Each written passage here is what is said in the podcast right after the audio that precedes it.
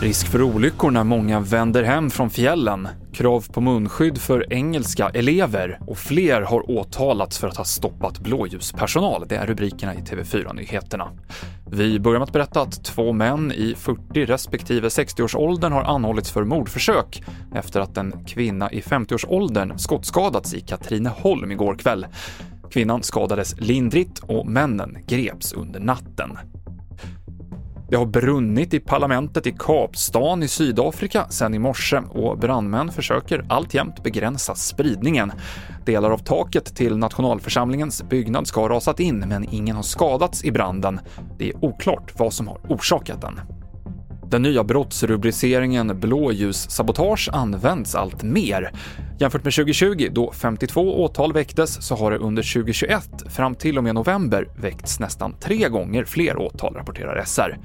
Med den nya lagen så kan straffet bli allt från två års fängelse till livstid för den som hindrar eller stör polis, räddningstjänst och ambulanspersonal vid utryckningar.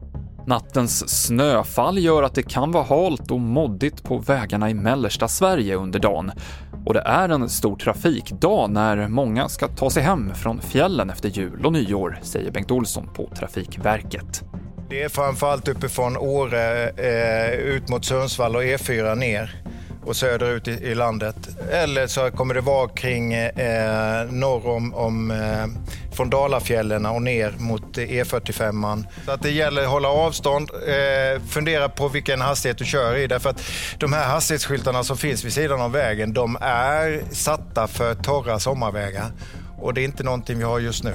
Och nu under förmiddagen har det bland annat kommit rapporter om en singelolycka på E18 vid Lekeberg och två stycken olyckor på riksväg 62 i Värmland. Men eh, ingen person ska ha skadats allvarligt i någon av de här incidenterna. Och gymnasieelever i England kommer behöva ha munskydd i klassrummen när de återvänder efter jullovet för att hindra spridningen av omikronvarianten av coronaviruset. I Sverige så finns det inga planer på särskilda restriktioner för just skolan, säger Folkhälsomyndigheten. Fler nyheter hittar du i appen TV4 Nyheterna. Jag heter Mikael Klintevall.